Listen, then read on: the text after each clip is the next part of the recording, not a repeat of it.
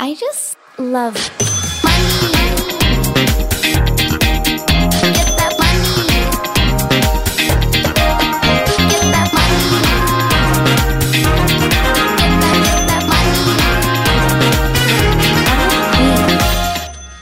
God mandag og velkommen til en ny episode av Karrierekvinner.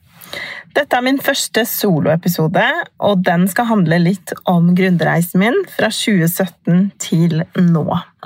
Men før vi går inn på det, så har jeg lyst til å fortelle deg en liten morsom historie på dette med soloepisoder.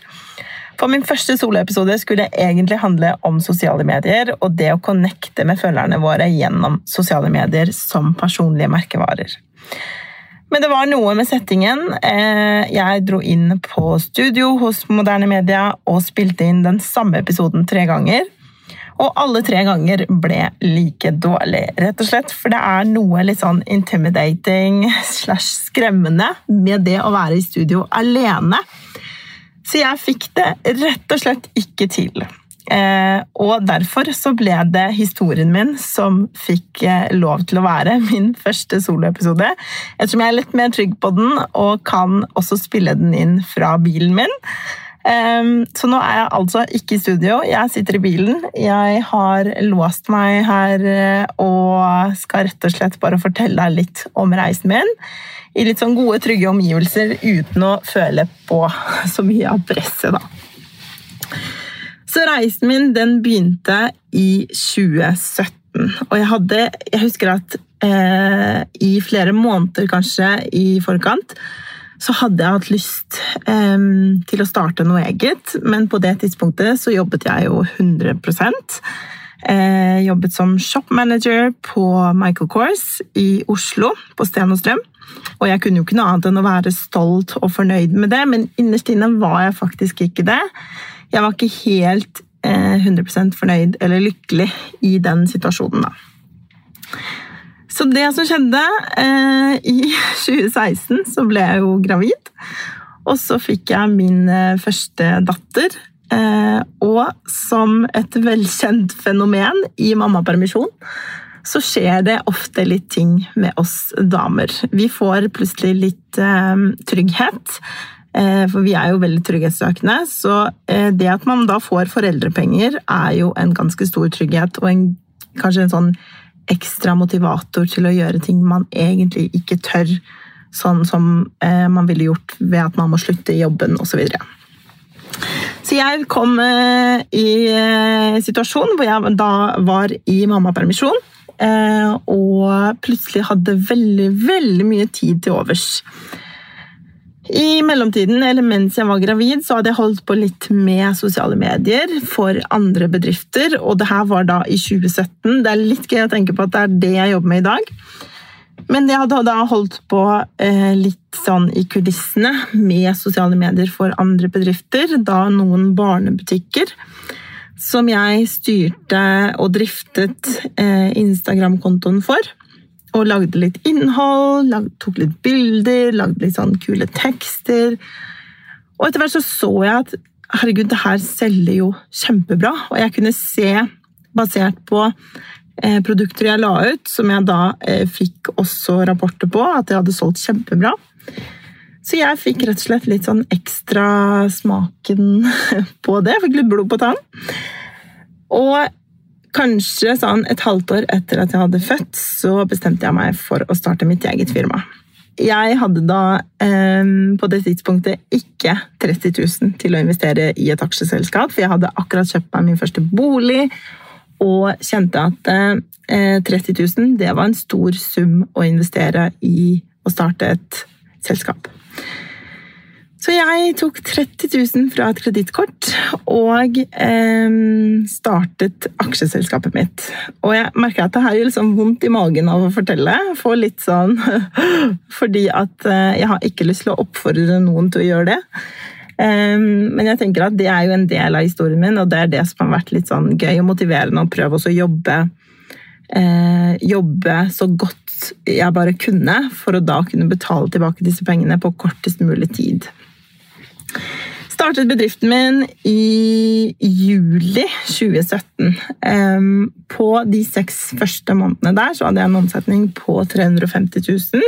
Og det var da det første halvåret, og andre halvåret så var jeg oppe i 1,5 eller 1,7 Nei, 1, ja, 1,5. Eh, med eller uten momsen husker jeg ikke så veldig godt, så ikke arrester meg på det. Og det var jo helt vanvittig store summer, for det første. Det var vanvittig eh, stor arbeidsmengde eh, som jeg ikke var vant til. Det var noe helt annet enn det å drive eller være fulltidsansatt. Eh, Man fikk plutselig veldig mange roller. Man fikk eh, lov til å være postmann slash dame. Man skulle være regnskapsfører, skulle være designer, skulle være innkjøper, skulle da holde på med sosiale medier, influensemarkedsføring av bedriften, sende ut e-poster, pakkeordre osv. Og i tillegg til det også være mamma på fulltid. Eh, Så det var jo litt eh, av en læring. Eh, Det er kanskje den første gangen jeg virkelig har opplevd at jeg har vokst så enormt mye på så kort tid. På det tidspunktet så var jeg 25 år. 25-26. eh, Og hadde en arbeidserfaring på sikkert eh, 10-11 år. Og ikke 10 eh, hadde jeg lært på de ti årene som jeg lærte det året, eh, det første året mitt som gründer. Så eh, begynte jeg å få litt sånn eh, teken på det. Begynte å like det veldig godt. Eh, det var selvfølgelig veldig travelt, man hadde litt barn eh, å passe på, men det var utrolig givende. Spesielt ettersom man fikk lov til å måte drive litt på egne premisser. Man fikk lov til å connecte med kundene. Man fikk lov til å da ta del i andres eh, hverdag. Ta del i andres store øyeblikk, spesielt f.eks. når kundene mine skulle eh, skulle fortelle at de var gravid, eh, og da brukte mine klær for å promotere, for å, for å dele det med verden. Det var sånne øyeblikk som var veldig veldig stas å få lov å være en del av. Og som kanskje også var en stor motivasjon på de dagene som det ikke var eh, så gøy å drive egen bedrift og være mamma osv. Så kommer det en vakker dag i 2018 hvor jeg rett og slett eh, bestemmer meg for å satse på dette her. Eh, og kjente veldig på hele kroppen at jeg ikke hadde lyst til å gå tilbake til den gamle jobben min. Vi hadde i tillegg flyttet fra Oslo. Så jeg søkte om eh, fri Nei, hva heter det? Ulønnet perm. Ulønnet permisjon. Sånn at jeg kunne teste i ett år til å være en gründer og se om dette kunne bli større. På det tidspunktet så fikk jeg da lov til å være hjemme. Jeg fikk lov til å ha ulønnet permisjon. Og bare noen få måneder etter det så ble jeg gravid igjen. Og det var litt eh, av et sjokk, fordi at for det første var det jo eh, Nå hadde jeg bestemt meg for å virkelig satse og jobbe. Hadde bestemt meg for at uh, Linnea, eh, eldstedatteren min, skulle på, i barnehagen, og jeg skulle nå begynne å jobbe for fullt med dette her. Så det var litt av et sjokk da vi fant ut at eh, vi var gravid. Selvfølgelig utrolig glad for det. Men eh, da, eh, på det tidspunktet, så innså jeg jo at jeg kanskje da måtte tilbake til den jobben jeg hadde. Men problemet nå var jo at jeg ikke hadde en jobb å gå til. Fordi denne jobben hadde jeg jo eh, ikke sagt fra meg, men jeg hadde jo søkt om ulønnet permisjon. De hadde funnet eh, noen til å erstatte meg, en vikar. Og så begynte en helt vanvittig prosess med å søke jobber. Og jeg søkte på alt jeg kom over på finn.no. Altså, det var ikke én stilling jeg ikke søkte på. Jeg søkte på blomsterbutikk, på matbutikk, på klesbutikker. Jeg søkte som eh, kontormedarbeider, lagermedarbeider altså, Alt jeg kom over, søkte jeg på. Fordi det viktigste for meg nå var jo å ha en jobb i, altså ha en jobb lenge nok til å få foreldrepenger. Og det er jo litt sånn interessant at man tenker at man må, at man må ut og bruke så mye energi, og ut og u, altså, bruke seg selv så mye. Eh, potensielt sende barnet i, i barnehage for å kunne måtte jobbe åtte-ti timer om dagen. Eh, men det å ansette meg selv, selv med 1,5 millioner i omsetning, det var liksom aldri et alternativ. Og det kan man jo lure litt sånn på hvorfor er det egentlig sånn? Fordi jeg har jo tenkt på det mange ganger i ettertid og tenkt litt sånn Hvorfor var ikke det første valget? Hvorfor var jeg så opptatt av å få en annen jobb? Når jeg egentlig hadde bevist for meg selv mange nok ganger at dette kunne jeg få til. Men nei, jeg gikk ut og søkte jobb på jobb, og jeg var i så mange intervjuer og kom Husker på det tidspunktet i 2018 så var det en kjede som het Loco. Eh, det skulle da, altså ikke Lyco, men Loco. Hvis noen av dere husker det, var en sånn oransje butikk med billige eh, skjønnhetsprodukter. Så jeg var på ja, mange intervjuer, mange intervjurunder, og kom, eh, fikk jobben og kom til lønnsforhandling. Og dette var da en butikksjefstilling. Eh, selv i ung alder så hadde jeg jo jobba som eh, butikksjef, og jeg var jo da deretter også vant til en eh, OK lønn. Som jeg anså som en OK lønn på det tidspunktet. Og kommer da i lønnsforhandling og får beskjed om at jeg kan få 24 000 i lønnen før skatt som en butikksjef. Og det er jo helt vanvittig å tenke på at man med 24 000 før skatt skal klare da å leve eh, med det Altså ikke en vanlig litt sånn eh, lagermedarbeiderstilling, ikke for å snakke den ned, men på en måte det ansvaret man har for personal, for, eh, for driften, for liksom, innkjøp, for alt, som en butikksjef. Med den lønna eh, det husker jeg bare satt jeg, jeg, var så irritert, jeg var så provosert. Jeg var så sint. Um, og så hadde man jo sånne bonusordninger som egentlig ikke eh, virka i hvert fall ganske uoppnåelig.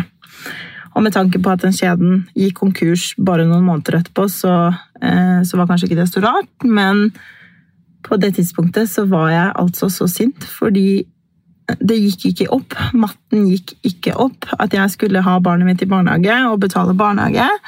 Jeg skulle skatte av de 24 000, og jeg skulle da i tillegg eh, nesten ikke få jobb med butikken min. Um, ja, og forskjellen da eh, ble Kontrastene ble så store at jeg da, eh, når jeg fikk altså den, det tilbudet om den lønningen, så eh, bestemte jeg meg for at nå kommer jeg til å satse på min egen bedrift. Og det var ikke noe tvil i meg lenger på at jeg skulle få det til. Og jeg satt der, jeg husker jeg satt i det møtet og, og så på det 24 000-tallet og tenkte at det her skal jeg doble innen et år. Og det gjorde jeg. Så først når jeg bestemte meg og fikk litt sånn Jeg vet ikke, det gikk en liten sånn faen i meg. og bestemte meg for at jeg skal jobbe dag og natt. Jeg skal jobbe, jeg skal stå på. Jeg vet at jeg får det til. Jeg hadde jo, jeg hadde jo bevist som sagt, for meg selv at jeg fikk det til. Hvis jeg ville. Så hele den graviditeten så gikk jeg altså rundt og opp og ned og frem og tilbake til Oslo på messer og bærte eske opp og eske ned med høygravid mage. Men det har virkelig vært et sånt øyeblikk hvor jeg fikk ordentlig tro på at det her er mulig å få til. Så nå når vi først snakker tall, så husker jeg at jeg starta Jeg hadde også en samtale med en venninne, og det er litt sånn morsomt hvordan man trenger å høre fra andre. Eh, kanskje få litt sånn eh, få, litt, få noe å konkurrere mot eller jobbe mot. Husker jeg pratet med en venninne som også var butikksjef, og hadde da eh, 38 000 i lønn. Um, så husker jeg at jeg liksom satt og tenkte sånn Det er det jeg skal begynne med. Det er målet mitt nå. ikke sant? Og det var litt sånn motreaksjon til den lønninga jeg skulle få fra Loco, Ehm, så bestemte jeg meg at jeg skal ha 38 000 i lønn. eh, Selv om det koster meg 60 000 i kostnader på selskapet. Eh, Men det skal jeg ha, og det, er det jeg trenger for å være motivert og jobbe og stå på. Og selv om de 60 000 var jo veldig Det var jo det gjorde meg jo på en måte veldig sårbar, økonomisk sårbar i bedriften så var det likevel noe med å få de pengene inn på konto, på privatkonto, som bare ga en helt vanvittig motivasjon til å stå på, til å oppsøke, til å jobbe, til å, til å Ja. Til å lage mer, til å selge mer, til å produsere, til å lage innhold, til alt som det går an å gjøre i en bedrift. Og i seks måneder cirka, eh, etter det så hadde jeg jo dette som lønningen og gikk ut i foreldrepermisjon med eh, den samme lønningen som jeg da hadde hatt i seks eller syv måneder i forkant. Og det var veldig veldig stas. Det er kanskje noe av det jeg er mest stolt av. Eller sånne øyeblikk som dukker opp hvis man tenker tilbake på livet og de gangene man føler at man har oppnådd noe så husker jeg at de syv månedene er liksom virkelig noe av det som sitter hos meg. Fordi at jeg vet at jeg fikk det til, og jeg fikk det til å gå rundt, og jeg fikk det til å gå i pluss. Fordi at jeg hadde en sånn motivasjon i meg som bare Det, det var ikke noe annet alternativ. Det, bare, det måtte bare gå. Det skulle gå. Og jeg tror egentlig at det veldig ofte er det det handler om, men at vi kanskje ikke alltid tør å tenke på den måten før vi blir utfordret eller satt i en situasjon hvor vi, får liksom en, en, skikkelig kontrast til det vi egentlig vil, før vi tør å si at nei, men Eller tør å finne ut hva vi vil, men også hva vi ikke vil. Og så, eh, Mange av dere som har fulgt meg en stund, vet jo at jeg også starta Snapchat-kanalen Happy Mommy Squad, som da var eh, et, eh, et, markedsføringstiltak for mine klær, som het Happy Mommy.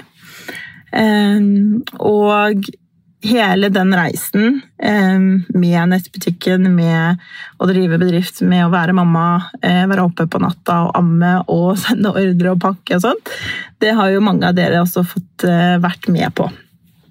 Veldig glad for, at jeg har delt. Jeg skulle ønske det fantes noen opptak på Snap som man kunne finne frem. annet enn på minner, men det er jo ikke alt man har lagra heller.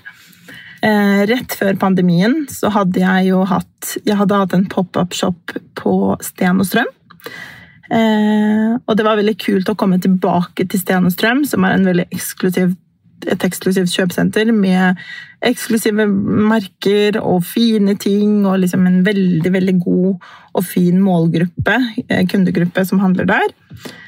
Um, å kom, få lov å komme inn der med mine egne klær, det husker jeg bare var Det var så stas. Det var ekstremt, ekstremt stolt øyeblikk. Også en av de eh, største øyeblikkene som jeg har hatt. Men eh, i denne her perfekte historien eh, her, så skjedde det noe, og det hadde nok pågått lenge også. Gjennom denne reisen så har jeg jo som regel følt meg veldig alene. Eh, jeg har jo ikke hatt en businesspartner, jeg har ikke hatt et nettverk annet enn kundene mine. Eh, men stort sett så var jo det eh, noe som foregikk digitalt, ikke nødvendigvis fysisk.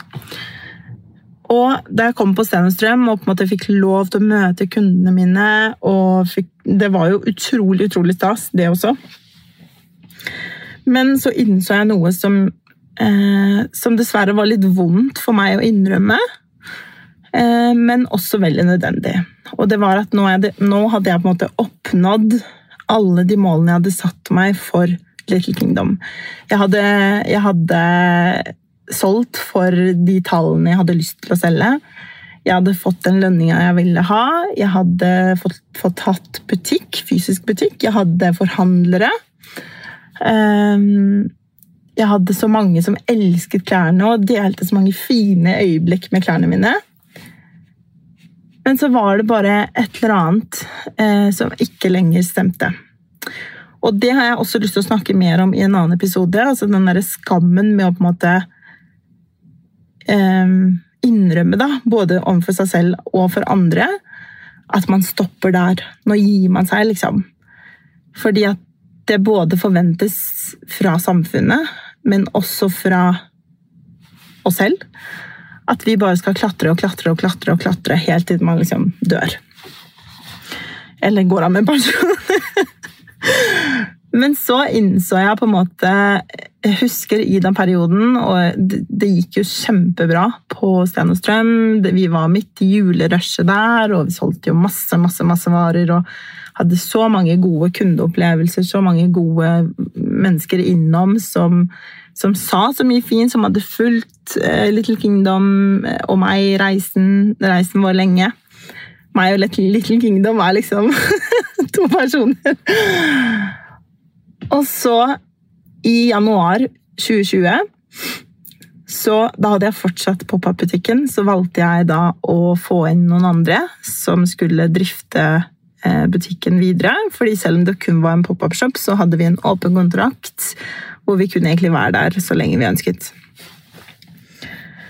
Så eh, velger jeg da, fordi på det tidspunktet så var jeg så lei av å være alene. Jeg hadde så mye på hjertet, følte jeg. Og selv om jeg delte mye av det på Happy Mommy Squad, så, så var det ikke alltid og, og da er det jo viktig å tenke litt sånn tilbake på før korona, så var det var ikke så på en måte stort, dette med gründerskap, dette med å drive eget. Det var ikke så mye forståelse rundt det heller, fordi folk Folk er jo veldig sånn eh, Herregud, jeg skjønner ikke hvordan du får det til, og hva er du lagd av? ikke sant? Og alt du har oppnådd. Og, og det er jo veldig, veldig veldig hyggelig å høre, og man blir jo selvfølgelig veldig smigret.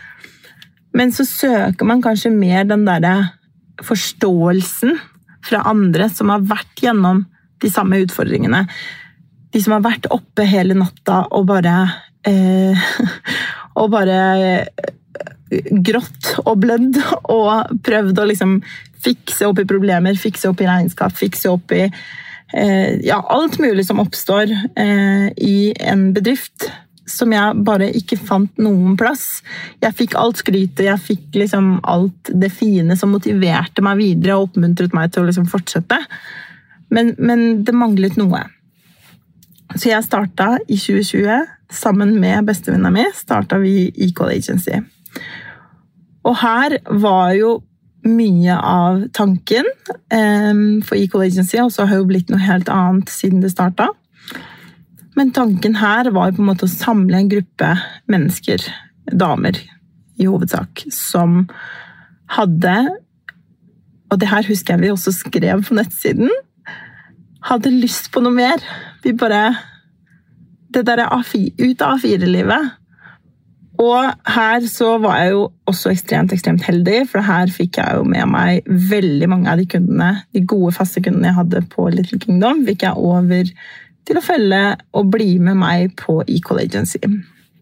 Nå sa jeg jo at jeg har jo hatt en enorm vekst, personlig vekst, og lært så mye om meg selv og hvordan jeg er og hvordan jeg driver selskap i det, året, det første året jeg drev firma.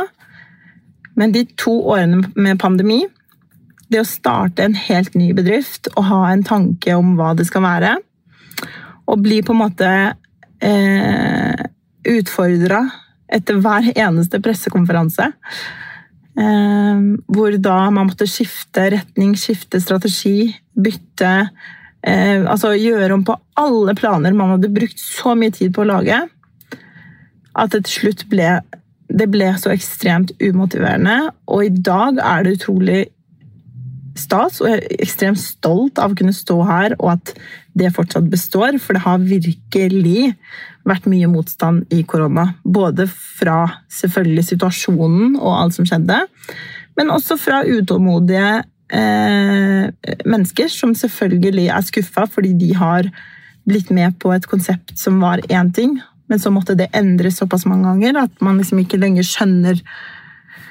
hva som skjer, hva er greia. Eh, og der har vi på en måte vært likestilt, selv om vi måtte da stå i front og si at nå gjør vi dette, nå endrer vi til dette, nå gjør vi sånn, nå er det ny pressekonferanse. Og vi mista jo motet veldig mange ganger og kjente at eh, vi hadde mange episoder hvor vi liksom måtte sette oss ned og prate og finne ut av equal. Men kjernen besto alltid, og det var det her ønsket om å ha et nettverk rundt seg. Og det ønsket var jo såpass sterkt både fra oss som driver Equal Agency, men også fra medlemmene våre der. Og det gjorde jo at vi fortsatt er her i dag, og det er jeg så utrolig takknemlig for. At vi har selvfølgelig eh, mange, mange, mange kule, bra damer. Mange som har vært med fra starten, men også mange nye som er kanskje mer i den nye målgruppen til Equal som ble utviklet under korona. Og så eh, Rett etter eh, alt dette med korona skjer, og det, det, er mye endringer, så innser jeg at jeg er nødt til å ha et annet selskap som ikke er Little Kingdom. For nå på det tidspunktet så hadde jeg allerede bestemt meg for at jeg ønsket å trappe ned. Eh, og sette det litt på vent. Eh, og da ønsket og trengte jeg jo noe annet som jeg kunne bygge videre på. Ettersom alle de andre medeierne i Equal Agency hadde egne selskaper i tillegg. Og det ble da starten på Hun etablerer. Så Hun etablerer ble til i mai eh, 2020. Eh, men sto stille i nesten et år før jeg eh, starta å jobbe med det for fullt i fjor, altså i 2021. Og det er faktisk kanskje noe av det mest givende. Nå føler jeg på en måte at hele den reisen jeg har hatt, har ført meg hit jeg skal være. Og det er altså, parallelt med Hun etablerer og med Equal Agency. Hun etablerer, som er eh, en tjeneste, en oppstartspakke for kvinner som har lyst til å starte egen bedrift. Denne oppstartspakken består av mange forskjellige ting. Du kan eh, kjøpe kurs, du kan kjøpe eh, veiledning, coaching med meg, og få liksom min erfaring, min, mitt nettverk, mine tips, syn, råd osv. Og så har vi Equal Agency, som bare er et stort og fantastisk nettverk eh, som vi treffer nå litt oftere. Eh, og som virkelig gir både oss, men også medlemmene og hverandre et sånn sinnssykt driv og motivasjon til å gjøre det bra, til å satse, til å eh, ja, rett og slett få mer tro på seg selv og sparre og dele ideer og kaste litt ball med andre som er i samme situasjon, og som kanskje tenker litt sånn som vi gründere gjør. da.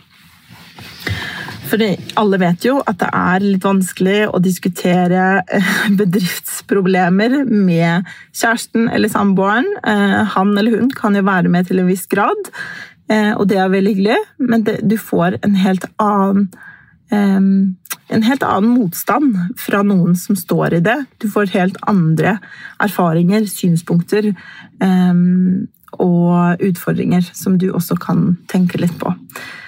Så det har jo da vært uh, hele denne reisen på en veldig kort episode, men det er det som har gjort. Det med Little Kingdom vil jo alltid, alltid være i mitt hjerte. Jeg blir kjemperørt av å tenke på det.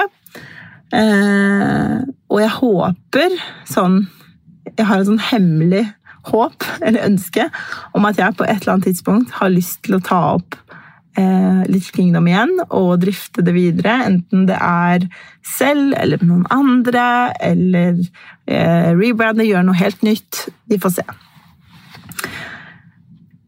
Og så glemte jeg jo en ting her, og det er at eh, jeg starta jo en helt ny nettbutikk nå i februar som heter formelle.no. Det kommer også av behovet eh, Også den nye hverdagen vi plutselig sto i, hvor vi måtte være mye på event. Eh, det ble tatt mye bilder, det ble mange møter. Eh, etter hvert med litt større selskaper enn sologründere så ble dette behovet om å ha fine arbeidsklær litt større. Og det er klart Du kan finne en dress på Bik Bok og du kan finne en dress på Zalando, men det å ha alt på ett sted, og det å ha kule jobbvesker og ha plagg som kan brukes ja, på kontoret som kan brukes i møter, og som du kan se litt sånn ekstra sånn powerful ut. Det kjente vi at det hadde vi lyst til å eie. Så vi starta rett og slett, jeg og Karoline i Collegency, vi starta formell.no, eh, som da rett og slett er en nettbutikk med pene dresser, eh, jobbvesker, litt sånn kontortilbehør og ja, alt som er relatert til business, skrivebøker, notatbøker osv. Mens jeg prater nå, så kommer jeg på alt annet jeg holder på med. Og en annen ting, jeg vet at jeg og Benedicte snakket jo litt om dette sist eh, episode, om planlegger. Men det er også en sånn ting som dukket opp underveis. Eh, og det er jo et tips som alle kan ta med seg, alle som driver eh, en eller annen form for gründerskap og skaper ting. Skap det du savner. I, altså, I kombinasjon med det markedet og kundene dine vil ha. Så på et eller annet tidspunkt så begynte jo denne kalenderen å bli ganske full. eh, Og selv om jeg elsker alt det digitale og er veldig med på digitaliseringen, så elsker jeg også å ha noe håndfast å holde i. Som jeg kan skrive ting ned, som jeg kan skrive avtalene mine, som jeg liksom kan bla opp i og bare For det er noe med å jobbe mye digitalt også. Man har telefonen med seg og på seg hele tiden. Og av og til så blir det litt sånn antiklimaks med telefonen. Man har ikke lyst til å se på den noen ganger. Og da er det veldig godt å ha penn og papir eller en planlegger som du kan skrive litt notater, litt tanker, litt uh, ideer til nye produkter, tjenester osv. Litt sånn huskelister, to do-lister.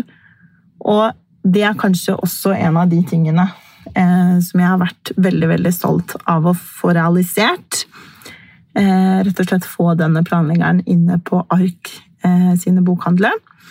Helt på egen hånd. For det er jo selvfølgelig ikke mulig for noen å få til det. det er, eh, har man et godt produkt som de også tror at de kan tjene mye på, så er det så klart er de jo åpne for å ta det inn. Men det er noe med det personlige også, at man liksom virkelig føler man har fått til noe. Gått veien, spurt, sendt den mailen, sendt, tatt den telefonen og fått et ja. Så for å oppsummere litt eh, på denne episoden, så håper jeg at eh, historien min kan inspirere deg eller noen du kjenner, hvis du har lyst til å sende denne episoden til. Til å kanskje satse, tørre, eh, være litt frempå, rett og slett, og også høre på magefølelsen når, kjennes, når ting kjennes riktig eller feil så før, står du i en situasjon hvor du kanskje har gjort det samme lenge, selv om du driver din egen bedrift, og har lyst til å få til en endring, så gjør det. Uansett hva andre måtte mene eh, om hvor bra konseptet ditt er, eh, så er det jo viktig at du trives med det, for da vil du også kunne tilby bedre produkter og bedre tjenester og opplevelser til kundene som du jobber med. Så det var det for i dag. Jeg håper dere får en kjempefin mandag, og jeg gleder meg allerede til å prate med dere neste gang. Gjerne følg meg på Instagram på Donna Castrati, eller følg også Karrierekvinner på Instagram. Ha en fin dag! Ha det! I just love money.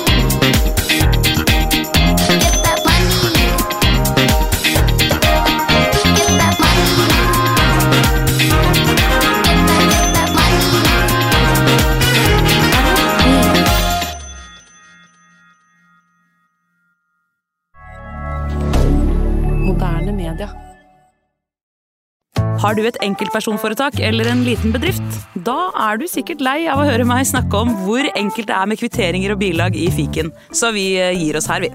Fordi vi liker enkelt. Fiken superenkelt regnskap.